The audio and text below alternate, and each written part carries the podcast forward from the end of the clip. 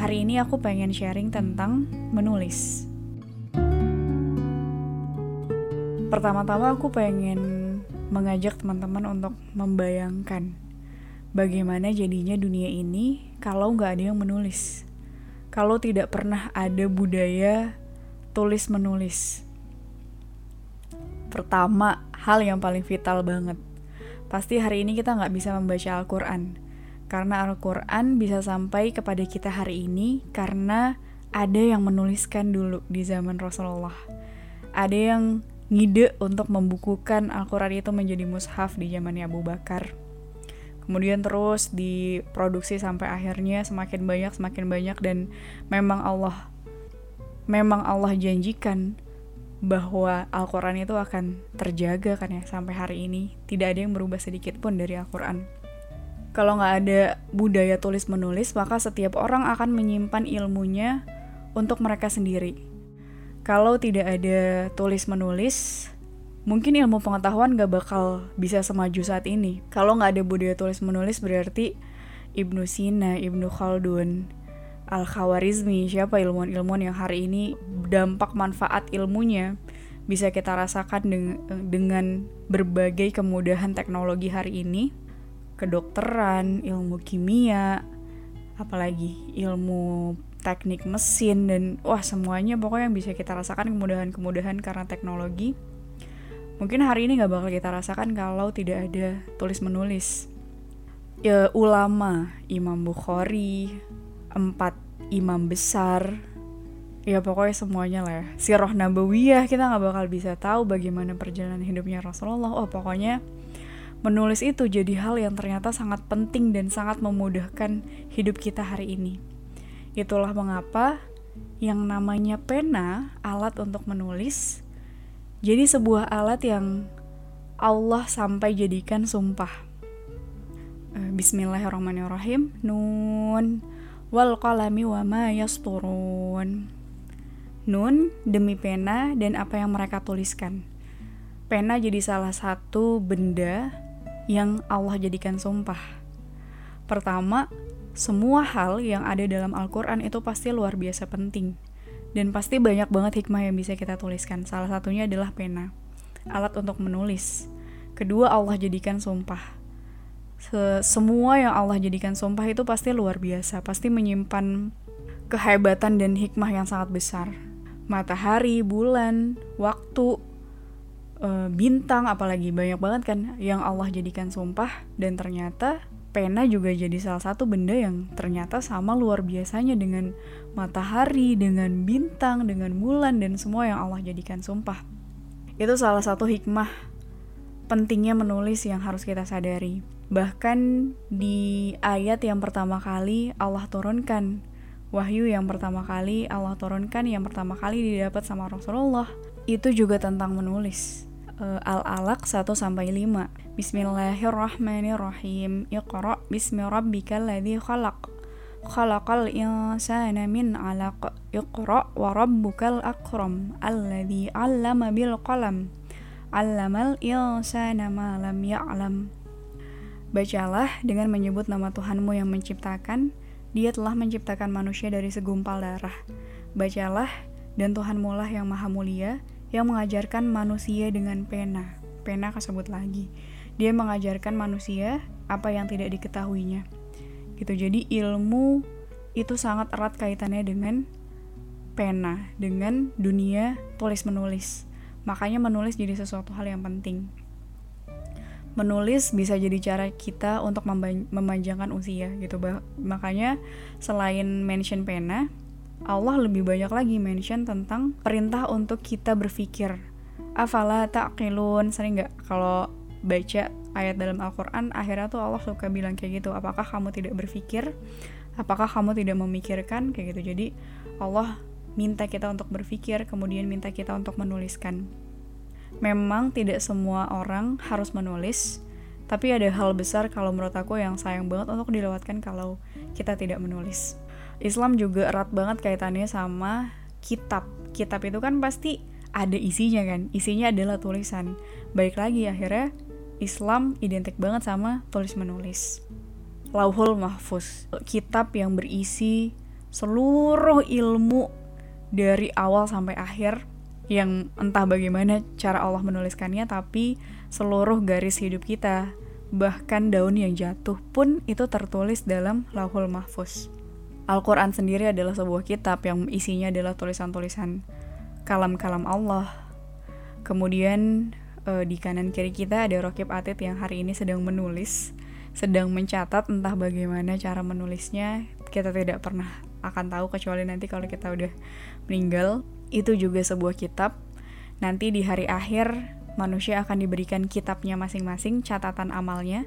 Itu juga sebuah kitab, entah dari kanan atau dari kiri, dari depan atau belakang gitu ya. Semoga akhir terbaik yang bisa kita dapatkan. Itu pun juga sebuah kitab. Jadi Islam sendiri dari awal dari ajaran murninya itu udah lekat banget dengan tulisan. Itu luar biasanya kita sebagai pribadi seorang muslim memang sudah sedekat itu dengan dunia tulis menulis. Kalau kita lihat tradisi dari zaman ke zaman juga umat Islam itu sangat dekat dengan karya tulisnya. Ulama-ulama besar dulu atau zaman di mana Islam sedang berjaya di masa keemasan, itu pasti luar biasa karya tulis yang orang-orang dahulu ciptakan. Ini aku kutip dari buku Seni Tinggal di Bumi, judulnya Karya Segenggaman Tangan.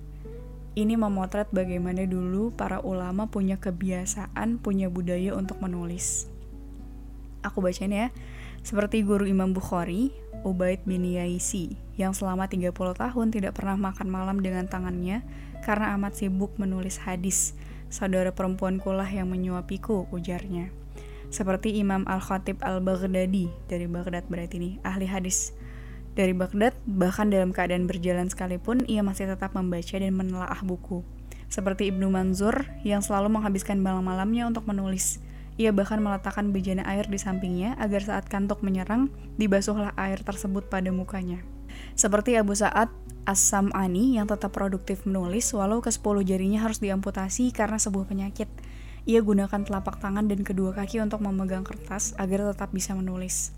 Seperti Ibnu Syahim yang telah menulis 330 karya tulis, Ibnu Akil yang menulis dalam berbagai disiplin ilmu sekitar 20 buku, dan karya terbesarnya adalah Al-Funun yang terdiri dari 400 jilid. Bahkan sebagian ulama mengatakannya 800 jilid, seperti Ibnu Jauzi yang selama 89 tahun hidupnya telah merampungkan 500 kitab, seperti Ibnu Taimiyah yang bahkan karyanya tak dapat dihitung. Adapun karya tulis Ibnu Taimiyah sungguh telah merata ke seluruh dunia dan sangat banyak sekali hingga tidak mungkin bagi seseorang untuk menghitung atau mendatanya. Itulah itu yang membuat hari ini kenapa dunia tuh bisa punya teknologi yang maju salah satunya adalah karena karena peran mereka mendom, mendokumentasikan ilmu pengetahuan yang mereka pelajari. Gitu itu luar biasanya mereka uh, bersemangat dalam menebarkan kebaikan bersemangat dalam menyebarkan ilmu pengetahuan yang nantinya akan menjadi amal jariah mereka. Gitu makanya dulu peradaban Islam besar gitu kalau kita lihat uh, dulu pusat peradabannya di Baghdad kita ingat ada yang namanya Baitul Hikmah di mana perpustakaan yang memuat ribuan bahkan jutaan buku yang dinikmati sama berbagai orang dari seluruh dunia gitu. Dan ilmuwan-ilmuwan muslim lah yang menuliskannya gitu. Itu luar biasanya. Atau kalau kita ingat dulu bagaimana peradaban Baghdad itu dihancurkan yang dihancurkan pertama adalah ilmu pengetahuannya. Dulu tahun 1258 ketika pasukan Tartar menyerbu Baghdad sungai Tigris itu dikisahkan sampai airnya semuanya menghitam karena banyaknya buku-buku yang ditumpahkan ke dalam sungai Tigris. E, luar biasanya peradaban Islam dulu, peradaban dari masa ke masa bagaimana orang-orang sangat memanfaatkan sebuah teknologi yang bernama pena. Harusnya kita sih hari ini yang teknologinya udah lebih canggih nggak harus ditulis pakai tangan nggak harus di copy ditulis lagi pakai tangan dan sebagainya ada laptop ada handphone harusnya kita lebih produktif lagi sih dari mereka harusnya Oke, okay. kenapa sih kita bahas ya? Pertama, kenapa sih kita harus nulis? Yang pertama tadi udah kita bahas, mendokumentasikan ilmu. Menulis itu adalah cara kita agar bisa membuat ilmu itu lebih abadi agar bisa membuat ilmu yang ada dalam kepala kita, yang ada dalam pikiran kita, yang ada dalam hati kita tidak hanya bisa kita nikmati seorang diri, tapi bisa dinikmati juga sama orang lain, bahkan jauh-jauh setelah kita meninggal. Tuh misalnya Imam Bukhari, Imam Bukhari yang meriwayatkan ribuan hadis, kita hari ini sama sekali nggak pernah kenal, udah berjarak berapa ribu tahun, tapi kita masih bisa merasakan manfaat dari karya-karyanya. Dikit-dikit hari ini orang hadis riwayat Imam Bukhari. Hadis riwayat Imam Bukhari. Itulah luar biasanya pentingnya dari mendokumentasikan ilmu pengetahuan. Ilmu adalah cara kita bisa menembus jutaan kepala manusia tanpa kita harus ketemu satu-satu. Ini quote-nya Said Kutub, satu peluru hanya bisa menembus satu kepala, tapi satu tulisan bisa menembus ribuan bahkan jutaan kepala. Gitu. Jadi kalau kita pengen bisa menyampaikan kebaikan sama sebanyak mungkin orang, pengen bisa berdakwah sama sebanyak mungkin orang, maka menulis jadi salah satu cara yang sangat efektif. Kemudian jadi amal jariah juga gitu. Kalau pengen memanjangkan usia seperti judul podcast ini, kalau pengen e, mendapatkan pahala di saat kita sedang diam, itu adalah dengan menulis gitu ya. Kebayang ya amalannya, amal jariahnya Imam Bukhari misal Imam Bukhari hari ini udah istirahat dengan tenang gitu ya. Dengan bertabur amal kebaikannya di alam barzakh tapi setiap detiknya pahalanya tuh masih ngalir masih nambah. Coba bayangin udah ribuan tahun beliau meninggal tapi pahalanya masih terus nambah. Ini yang jadi impian kita ini yang jadi cara triki kita sih menurutku. Kalau memang amalan kita selama hidup itu benar-benar tidak bisa diandalkan sholat kita nggak khusyuk baca Qurannya eh, nggak bisa banyak hafalan Qurannya dikit apalagi amalan-amalannya mungkin sering disusupi niat-niat yang tidak lurus sering tidak ikhlas. Oh pokoknya banyak banget cacatnya. Kalau kita merasa tidak bisa mengandalkan amalan kita sehari-hari maka semoga menulis jadi salah satu yang bisa kita andalkan gitu. Ya harapannya semoga tulisan-tulisan kita ketika bisa membawa kebaikan buat orang lain itu bisa jadi sarana untuk menghapuskan dosa-dosa kita jadi sarana untuk menambahkan amal-amal kebaikan kita gitu. Itu luar biasanya alasan penting kenapa kita harus menulis gitu. Lanjut kita mulai menulis. Ini cara-caranya. Yang pertama adalah yang harus kita sadari banget teman-teman menulis itu adalah pekerjaannya ruh ya gak sih? Gitu. Jadi sebenarnya konit itu gak kelihatan wujud aslinya kayak gimana. Gitu yang kita lihat selama ini teman-teman kita siapa pun hari ini penulis-penulis yang penulis-penulis besar yang kita lihat kita bisa melihat bagaimana kondisi ruh mereka dari tulisan-tulisannya. Sedangkan kalau kita lihat fisiknya itu bukan dia itu hanyalah fasilitator lah. Itu cuma cuma topeng. Itu cuma kemasan gitu. Jadi hari ini ruh-ruh kita tuh nggak kelihatan mana? Nggak kelihatan kan? Nggak sama sekali nggak bisa kita lihat. Ada di dalam uh, raga kita. Nah ketika kita menulis sebenarnya yang tengah bekerja adalah ruh itu. Gitu. Makanya sering gak sih kita ngerasa uh, sebenarnya kita nggak pernah ketemu sama penulisnya tapi ketika kita udah baca karya-karyanya dan kita ketemu sama penulisnya kita tuh ngerasa kayak deket banget. Kayak itu kita ngerasa kita tahu nih luar dalam orang ini kayak gimana Kenapa? Karena kita membaca tulisannya. Tulisannya itu berarti menggambarkan sedikit banyak menggambarkan bagaimana ruhnya. Makanya kita suka ada perasaan dekat ketika kita sering membaca tulisan seseorang. Soalnya ada orang yang sering banget nulis, ketika kita ketemu, kita ngerasa deket banget. Kenapa? Karena kita sudah sering berinteraksi dengan ruhnya. Begitu juga dengan kita ketika kita menulis itu adalah pekerjaan ruh maka ketika ingin menciptakan tulisan-tulisan yang baik ketika ingin menciptakan tulisan yang bisa kita andalkan menjadi amal jariah maka pastikan kondisi ruh kita sedang baik ketika sedang menulis. Maka pastikan kita punya kualitas ruh-ruh yang baik. Kalaupun nggak punya sekarang kita ngerasa aduh teh masih gembel banget pun aku pun juga kayak gitu ya masih ngerasa wah jelek banget lah uh, hatinya penuh dengan kotoran dan sebagainya, maka usahakanlah untuk memiliki hati-hati yang bersih. Untuk punya hati-hati yang bening, usahakanlah punya kondisi kualitas roh yang baik dengan meningkatkan amalan harian kita, dengan meningkatkan ketaatan kita sama Allah, dengan menjaga hubungan baik kita dengan Allah. Gitu contoh penulis-penulis besar yang ternyata didasari dengan roh-roh yang kuat. Uh, misalnya uh, fikih dakwah yang ngarang adalah yang menulis adalah Syekh Mustafa Mansur. Ternyata beliau itu adalah dulunya pernah masuk penjara karena berdakwah.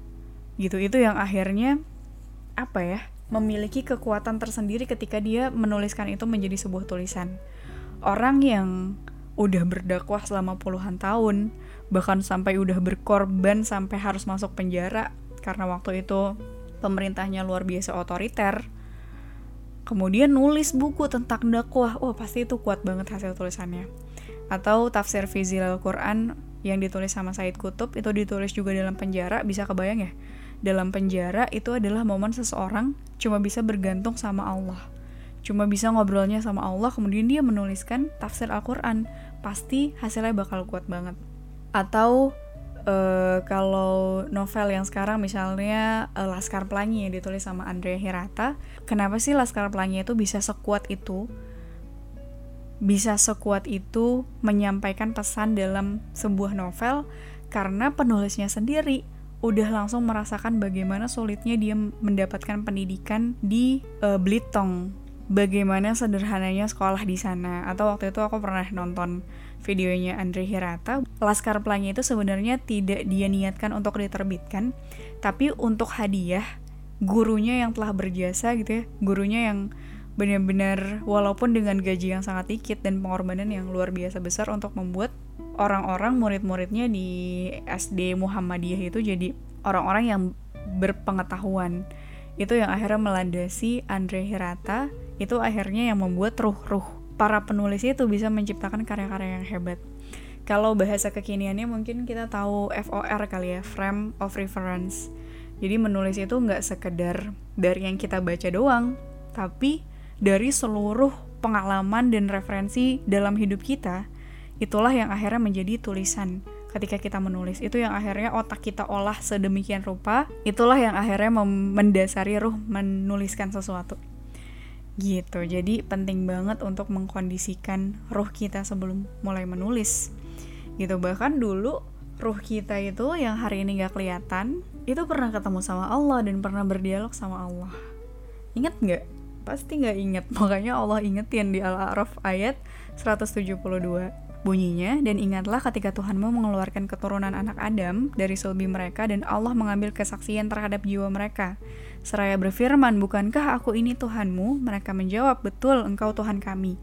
Kami menjadi saksi. Kami lakukan yang demikian itu agar pada hari kiamat kamu tidak mengatakan sesungguhnya kami Bani Adam adalah orang-orang yang lengah terhadap ini. Gitu. Jadi sebenarnya dulu teman-teman kita udah pernah ketemu sama Allah dan udah pernah bersaksi bahwa Allah adalah Tuhan kita. Cuma hari ini kita lupa tapi Allah ingetin lagi di dalam Al-Qur'an. Itu ruh yang dulu entah di mana, entah kapan kita itu ilmu yang tidak akan pernah kita tahu hari ini. Makanya kenapa aku termasuk orang-orang yang tidak menampilkan fisik di media sosial karena yang berperan menyampaikan kebaikan itu sebenarnya bukan fisik tapi ruh itu sendiri. Jadi sebisa mungkin bukan fisik konitnya yang dikenal tapi karyanya yang dikenal. Itu harapan aku sih. Tapi bukan berarti orang yang nampilkan fisik buruk ya. Ada plus minusnya sih, cuma aku lebih memilih untuk tidak menampilkan itu. Karena memang itu tidak terlalu berperan, itu cuma fasilitator kita hidup di dunia gitu. Tapi sebenarnya kuat tidaknya tulisannya itu sampai kepada orang-orang. Kuat tulisannya itu bisa mempengaruhi orang-orang. Itu dipengaruhi sama ruh kita masing-masing. Gitu teman-teman. Jadi penting banget untuk menjaga ruh. Penting banget untuk selalu meluruskan niat penting banget untuk punya hati-hati yang bening karena itu adalah kunci awal mula dari kita menciptakan sebuah tulisan.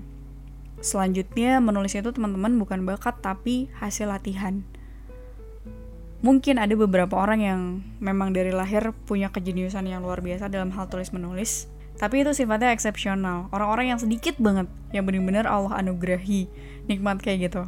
Orang-orang yang memang spesial misalnya Imam Bukhari. Imam Bukhari itu kan orang-orang yang eksepsional yang Allah berikan kelebihan yang punya daya ingat luar biasa besar gitu kalau kita bukan orang-orang yang eksepsional itu maka wajib bagi kita hukumnya buat berlatih. Jadi kalau mau jadi seorang penulis yang hebat maka menulislah. Menulis dan menulis. Makin banyak kita punya tulisan, makin banyak kita berlatih menulis, maka makin hebat juga kemampuan kita dalam menulis itu it's okay kita punya seribu tulisan sampah untuk dapat satu tulisan emas tuh nggak apa-apa. Orang mungkin cuma ngelihat hasilnya gitu ya. Orang mungkin bakal judging ngapain sih tulisan lo jelek banget? Apaan sih nggak ada yang baca dan sebagainya. Tapi Allah nggak bakal salah nulis. Allah itu selalu melihat selalu menghargai dan membalas dengan balasan sebaik-baiknya setiap proses yang kita jalani. Orang mungkin cuma ngelihat kita di akhirnya doang cuma ngelihat hasil tulisannya doang oh gini. Tapi Allah itu ngelihat seluruhnya. Dari awal banget proses kita menulis sampai akhirnya kayak gimana mau akhirnya tetap jelek mau akhirnya bagus Allah tuh nggak bakal salah membalas ketika niatnya bener-bener karena Allah. Gitu. Terus penting banget untuk banyak membaca sebagai seorang penulis karena apa yang mau dituangkan kalau otaknya nggak ada isinya kan. Gitu. Makanya penulis yang hebat itu berasal dari pembaca yang hebat. Maka ciptakanlah habits membaca. Ini juga buat aku nih yang masih minim banget membacanya. Terus uh, mau sharing dikit dulu gimana caranya aku sampai suka nulis. Dulu awalnya tuh aku nggak suka nulis. Uh, suka sih tapi bener-bener buat konsumsi pribadi banget. Nulisnya dulu di blogspot masih zaman blogspot. Siapa yang nulis di blogspot juga? Nah masih di blogspot. Dulu tuh nulis bener-bener kayak diary aja. Kayak misalnya uh, hari ini aku pusing banget nih tadi habis ujian. Atau uh, ada peristiwa-peristiwa kayak aku kecelakaan jatuh dari motor hal yang kayak gitulah. Hal-hal yang kalau dibaca sekarang tuh tidak bisa dinikmati dan mungkin tidak bermanfaat ketika dibaca sama orang lain. Gitu tapi dulu itu mulai menulis sejak 2000 2016 banget kayak kalau intensnya 2016 tapi sebenarnya karena aku kuliahnya di jurnalistik jadi semua tugas-tugas itu pasti didominasi sama dunia tulis menulis kayaknya semua perkuliahan gitu deh tapi kalau jurnalistik memang produknya kan salah satunya adalah tulisannya ada jurnalistik cetak ada jurnalistik elektronik elektronik juga sebelumnya ditulis juga sih tapi cetak memang jumlah tulisannya pasti lebih panjang. Jadi memang setiap tugas-tugas itu selalu di drill untuk menulis. Kalau anak jurnalistik Vkom Unpad mungkin tahu yang namanya tugas apresiasi. Sekarang masih ada nggak ya? Kayak masih ada deh tapi mungkin tidak sebanyak di zamanku dan di zaman senior-senior dulu. Tugas apresiasi itu adalah kita tuh mengkritisi satu buku dengan pisau buku-buku lainnya. Jadi misalnya oh di bab segini uh, ini tidak sesuai dengan buku A karena harusnya begini begini begini. Kalau di buku C harusnya lalala kayak gitulah. Intinya intinya kita mengkritisi sebuah buku dengan cara kita punya banyak referensi lain untuk mengkritisi hal tersebut. Jadi memang dari dulu sudah dibiasakan untuk banyak membaca dan banyak menulis. Itu kalau kuliah di jurnalistik. E, memang pada dasarnya ya harus bisa nulis. Yang namanya orang menyampaikan berita, menyampaikan informasi pasti harus bisa menulis. Itu kemampuan yang harus dimiliki oleh seorang lulusan jurnalistik. Tapi waktu itu yang namanya kemampuan menulis itu kan harus dipadukan sama keimanan ya. Harus disa harus dipadukan sama Al-Quran.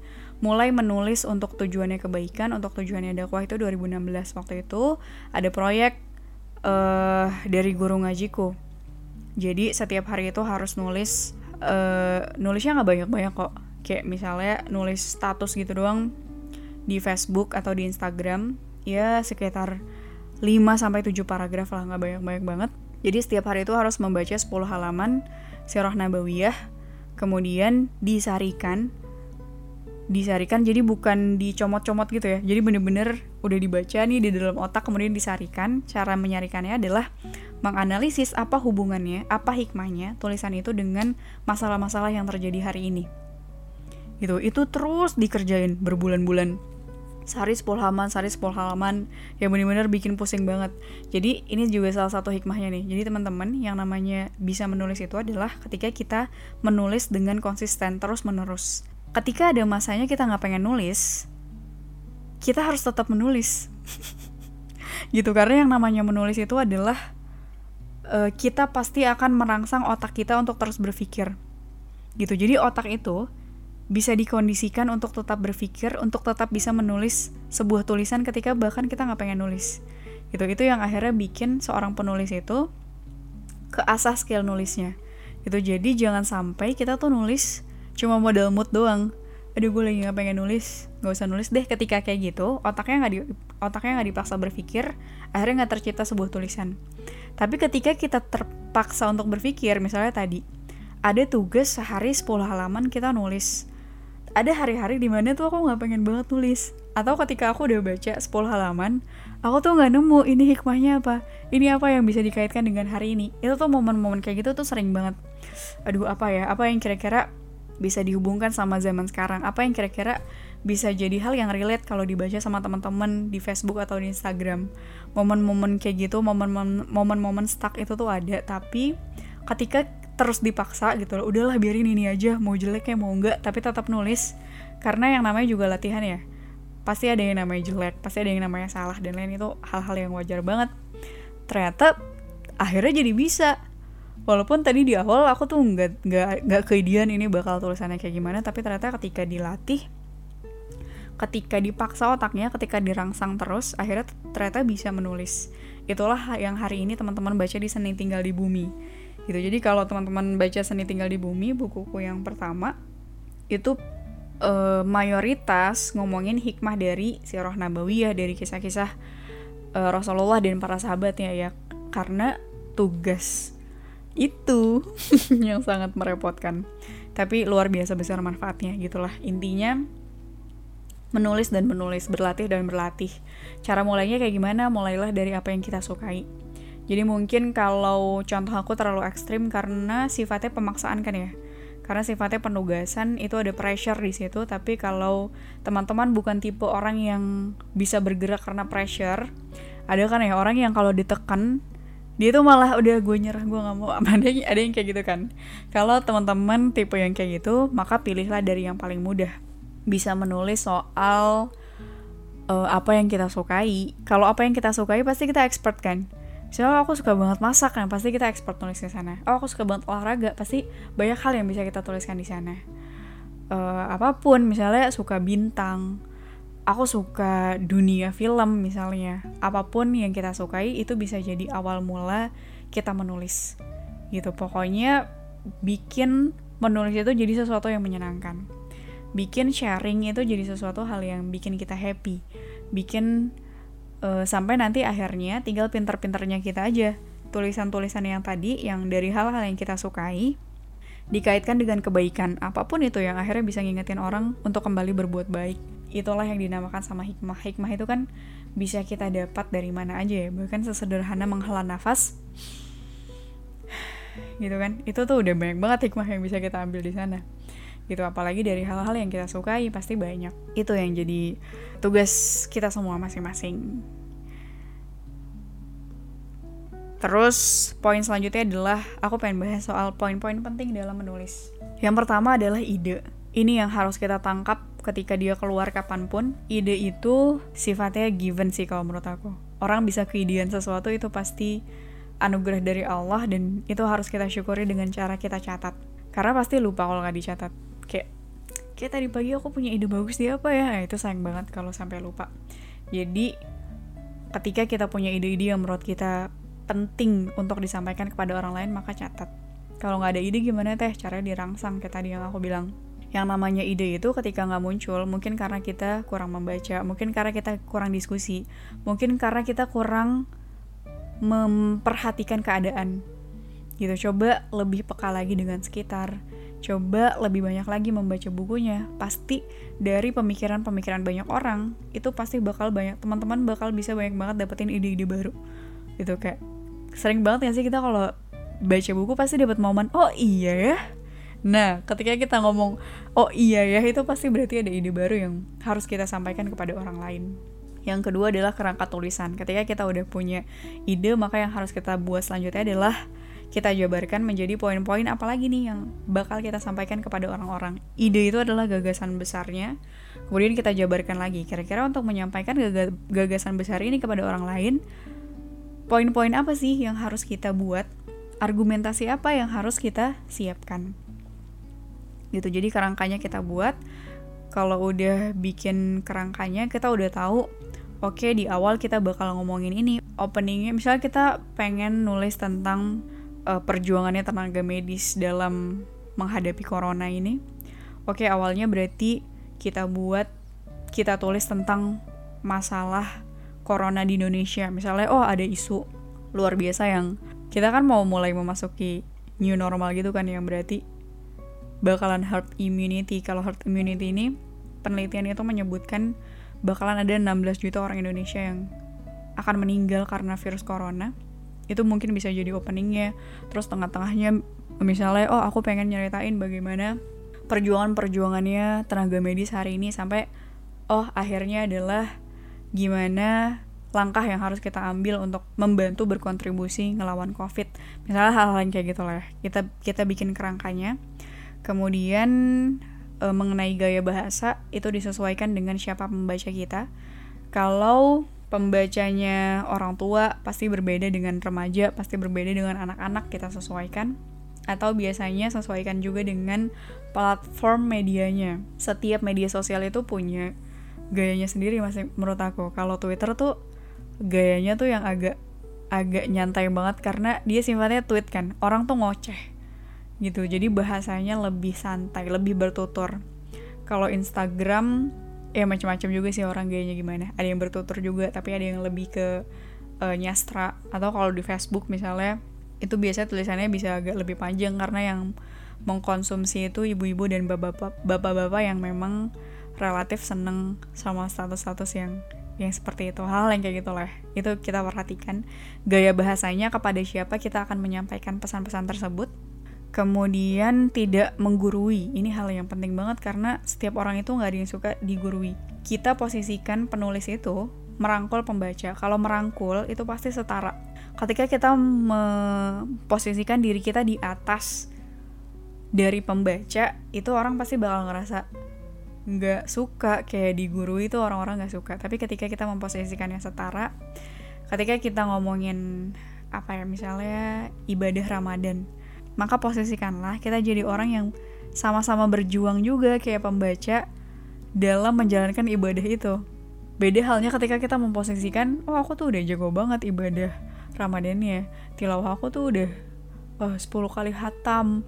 Mulai aku tuh tiga jam. Hal yang kayak gitu. Kalau pendekatan yang kayak gitu iya orang akan susah untuk tersentuh. Kemudian pemilihan judul juga sangat penting.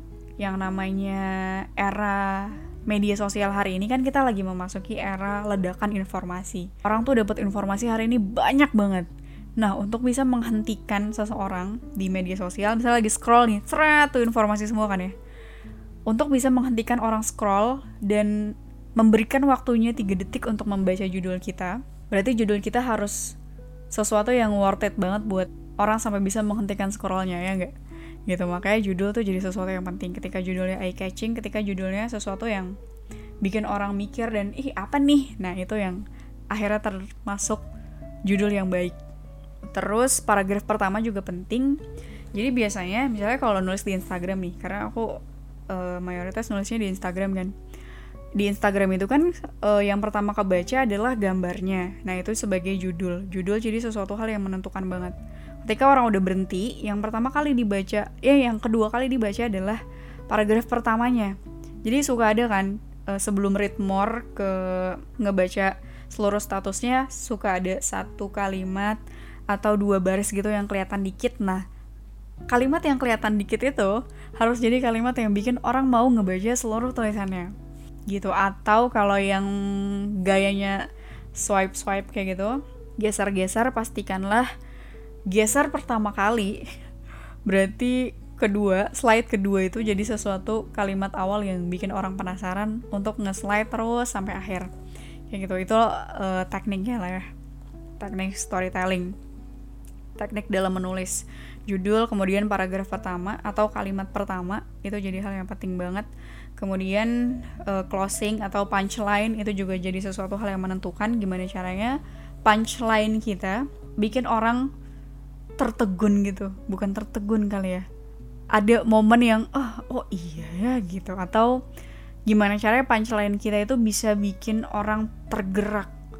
Oh iya ya ternyata masalah herd immunity ini serem banget. Oh berarti gue harus menyumbangkan harta misalnya kayak gitu untuk ngebantu COVID. Dan sebagainya. Itu poin penting poin penting dalam menulis. Kemudian pengendapan juga sesuatu hal yang penting. Jadi ketika kita udah selesai nulis tuh udah jadi didiemin dulu tulisannya jangan langsung post uh, barang 3 jam atau 4 jam diselang dulu diseling dulu sama tilawah mungkin diseling dulu sama kerjaan kita dan sebagainya terus kita lihat lagi biasanya kita bakal lebih notice sama kesalahan-kesalahan yang ada gitu. Terus edit baru posting. Nah posting ini kadang-kadang yang susah ya ternyata posting tuh. Dulu tuh aku inget banget awal-awal ada penugasan bikin tulisan Sirah Nabawih itu itu tuh mikir seribu kali gitu dulu loh kalau mau posting. Aduh nanti so alim banget ngomongin Rasulullah aduh nanti gimana? Eh, gitu lah. Pasti banyak hal-hal yang ada dalam pikiran kita ketika kita mau posting sesuatu suatu tulisan. Tapi percayalah teman-teman ketika kita udah menjalani semua step dengan sebaik-baiknya kita udah verifikasi berkali-kali bahwa tulisan kita tuh mm, layak dipertanggungjawabkan eh, nggak uh, hoax sumber-sumbernya terpercaya sudah mengalami editing dan sebagainya insya Allah harusnya percaya diri untuk ngeposting. Kalau masih nggak percaya diri ya udah dipaksain aja. Posting kalau aku dulu dulu sampai aku posting terus aku matiin internetnya. Jadi aku nggak tahu feedback orang-orang kayak gimana. So aku lupakan anggap tidak pernah posting. Kayak gitu lah ya. Tapi memang harus ada momen-momen kayak gitu sampai akhirnya sampai hari ini tuh aku udah kayak biasa aja banget gitu loh kayak posting ya udah terus aku tinggalin mau kayak gimana kayak respon orang-orang tapi harapannya orang-orang dapat manfaat dari sana tapi ketika likesnya dikit, ketika komennya dikit itu kayak udah ah bodo amat. Yang penting ada orang-orang yang merasa terbantu dengan tulisan itu kayak gitu. Jadi menurut aku satu orang aja yang merasa mendapatkan manfaat dari tulisan itu itu udah berharga banget. Itu udah hal yang patut disyukuri banget. Gitu deh terakhir setiap aksi ada konsekuensi. Jadi ketika kita takut dengan feedback yang akan orang-orang berikan gitu apalagi netizen maha, maha benar gak boleh ya yang maha itu kan cuma boleh Allah. Ketika netizen mengeluarkan komen-komen panas atau ada respon-respon yang membuat hati kita sakit itu adalah konsekuensi yang harus kita terima. Aku pribadi ketika mulai sering nulis di media sosial itu ada dua respon yang sangat berbeda sih. Ada positif ada negatif. Kalau positif ini nggak tahu sih aku ini jadi positif atau negatif ya. Kalau positifnya itu adalah orang-orang itu menganggap aku jadi lebih tahu dari mereka gitu.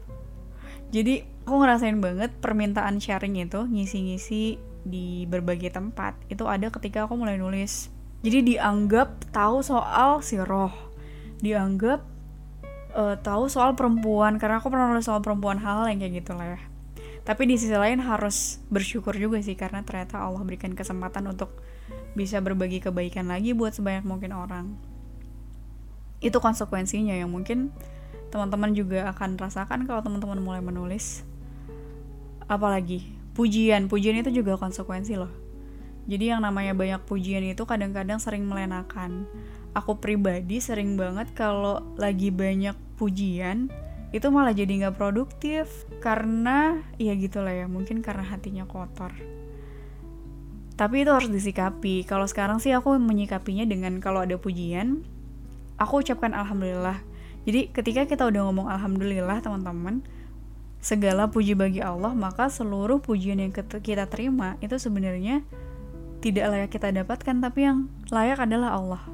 Jadi kayak tektok gitu loh kalimat alhamdulillah ketika ada pujian yang datang tret nah itu semuanya balik lagi ke Allah. Kita nggak dapat pujian satupun yang kita dapat hanyalah kritikan dan hal-hal yang salah hal-hal yang jelek nah itu buat kita. Gitu. Itu cara menghadapi pujian versi aku cara menghadapi kritik kayak gimana? Nah kritik juga jadi salah satu hal yang sangat kita takuti. Karena emang gak enak. Udah usaha nulis capek-capek dikritik. Kan kesel. Tapi itu harus kita hadapi.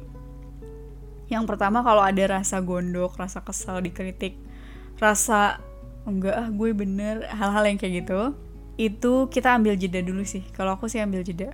Ketika ada rasa nggak enak kayak gitu ambil jeda. Um, mendekat lagi sama Allah tingkatkan lagi amal hariannya kemudian kita buka lagi kritikannya. Gitu kadang setelah hati kita lebih tenang kita akan lebih positif menghadapi kritikan gitu. Kayak oh iya ya ternyata bener aku memang masih punya kekurangan di sini. Ini memang salah ini harus diperbaiki. Gitu dan akhirnya kita jadi bersyukur dan sangat berterima kasih sama orang yang mengkritik kita. Karena orang itu bisa menemukan titik kesalahan kita orang itu bisa menemukan poin di mana kita tuh harus belajar lagi. Gitu itu cara menghadapi kritik versi aku. Jadi bersyukurlah kalau ada yang mengkritik. Terus kalau komen-komen pedas gimana? Kalau komen komen-komen pedas selama aku menulis di media sosial biasanya karena proba karena perbedaan ideologi aja sih. Jadi kalau yang selama ideologinya masih sama biasanya kritiknya uh, kesalahan informasi atau uh, kesalahan aku menangkap sebuah informasi hal kayak gitu yang sebenarnya nggak pedis-pedis banget. Tapi kalau udah yang sampai kata-kata kotor sampai apalagi kebun binatang keluar itu biasanya karena perbedaan ideologi sih. Kalau udah perbedaan ideologi ya itu udah jadi konsekuensi yang harus kita terima dan ya udah emang nggak bisa diubah. Kalau udah beda ideologi misalnya kalau nulis tentang feminisme ketika ada komen-komen pedas dari aktivis feminis ya kita nggak bakal bisa mengubah orang itu karena udah ekstrim kanan yang satu ekstrim kiri ya udah nggak bakal bisa titik temu. Jadi yang namanya berdakwah itu kan ada prioritasnya ya. Jadi ketika kita nulis feminisme ya memang tujuan kita bukan mengubah orang-orang feminis karena mereka akan sulit sekali untuk diubah kalau cuma model tulisan. Tapi tujuan kita adalah mengubah orang-orang yang hari ini masih galau yang masih bingung. Ini mana yang benar? Kok kadang orang-orang feminis benar? Kadang-kadang eh, orang-orang yang berdakwah gitu ya tentang bagaimana Islam memandang feminisme juga benar. Tujuannya merangkul orang-orang kayak gitu. Jadi harus sering-sering melapangkan hati harus sering-sering beristighfar harus sering-sering lagi ingat perjuangannya Rasulullah dulu berdakwah kayak gimana. Kita kayak sekarang model tulisan doang nggak doang sih. Kita hari ini ya jauh lebih mudah lah dari perjuangannya Rasulullah. Harusnya bisa lebih tangguh menghadapi apa pun itu konsekuensi yang hadir gitu deh. Nah segitu aja sharing-sharing tulisan dari aku. Semangat teman-teman. Semoga ini bisa menyemangati atau memudahkan teman-teman untuk membuat karya-karya tulisan selanjutnya. Semoga bisa jadi amal jariah kita semua. Semoga bermanfaat. Wassalamualaikum warahmatullahi wabarakatuh